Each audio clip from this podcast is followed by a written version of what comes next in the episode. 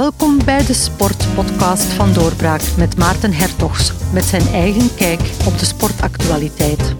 Je zou denken dat de Antwerp-fans afgelopen zondag wel hard genoeg riepen. In hun oerkreet bij de 1-0 weergalmde decennia zonder titel en echo's uit de degradatiediepte. Nog enkele weeën en dan moest uit de rode massa de overwinning geboren worden. Na een kleine honderd minuten gaf het scorebord een gelijk spel aan. Bloed, zweet en tranen had het gekost en een handvol gefrustreerde, zich misdragende supporters opgeleverd, maar geen titel. Union en Antwerp hebben nog steeds evenveel punten, al staat Antwerp wel bovenaan. De laatste match zal beslissend zijn. Waar wordt de overwinning geboren? Antwerp heeft zijn lot in eigen handen. Met winst zijn ze altijd kampioen, maar Genk heeft een comeback gemaakt. Ze hadden zich de titel wel haast laten ontglippen en maken nu toch weer kans. Dat geeft de Lim burger moed, vooral omdat hij thuis mag strijden. De ploeg van het afgelopen seizoen en het vorige, Union, mag ook thuis strijden tegen een Club Brugge voor wie niets meer te rapen valt en nu zelfs te koop staat. Een club waarvan supporters zowaar hopen op verlies, omdat ze liever Union dan Antwerp kampioen zien spelen. Met andere woorden, als Antwerp de titel wil, dan zijn ze maar best goed wakker, knokken ze tot het laatste fluitsignaal en nemen ze enkel genoegen met winst. In sport volgen de prijzen na de meet, en tot aan de meet kan er roet in het eten gestrooid worden. Daar kan je dikwijls niets aan doen.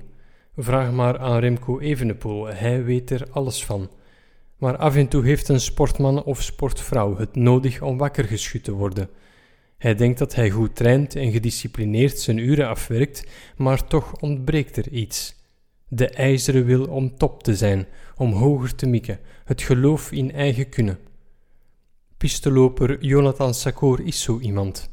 Hij rende een gouden toekomst tegemoet maar staat nu al enkele jaren ter plaatse te trappelen.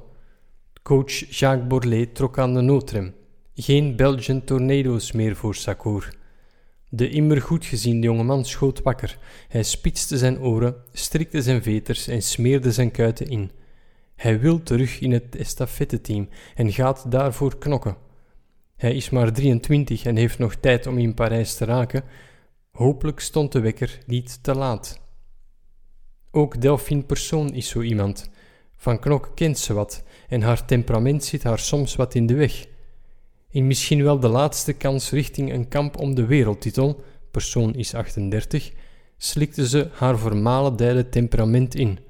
Ze bokste tegen de nummer 3 van de wereld verstandig, ging niet voluit en haalde het op punten. Net op tijd wakker om nog maar eens te vechten voor de wereldtitel. Nu David Coffin nog die donderde na zijn verlies in Roland Garros uit de top 100. Tijd voor een wekker. En dan weer Antwerp. Wake up, roepen de fans de ploeg toe. Ze willen komend weekend in Genk massaal in het wit opdagen. De helft van rood-wit.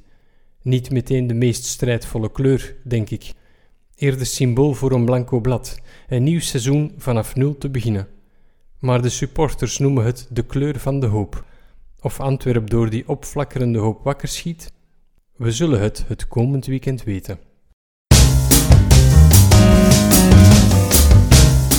U luisterde naar een eigenzinnige sportpodcast van Doorbraak. U kan deze podcast altijd opnieuw beluisteren op doorbraak.be-radio. Nog meer nieuws, analyse, interview en opinie vindt u op doorbraak.be. Word proefabonnee of steunabonnee van Doorbraak op doorbraak.be-abonnement en mis nooit nog een aflevering.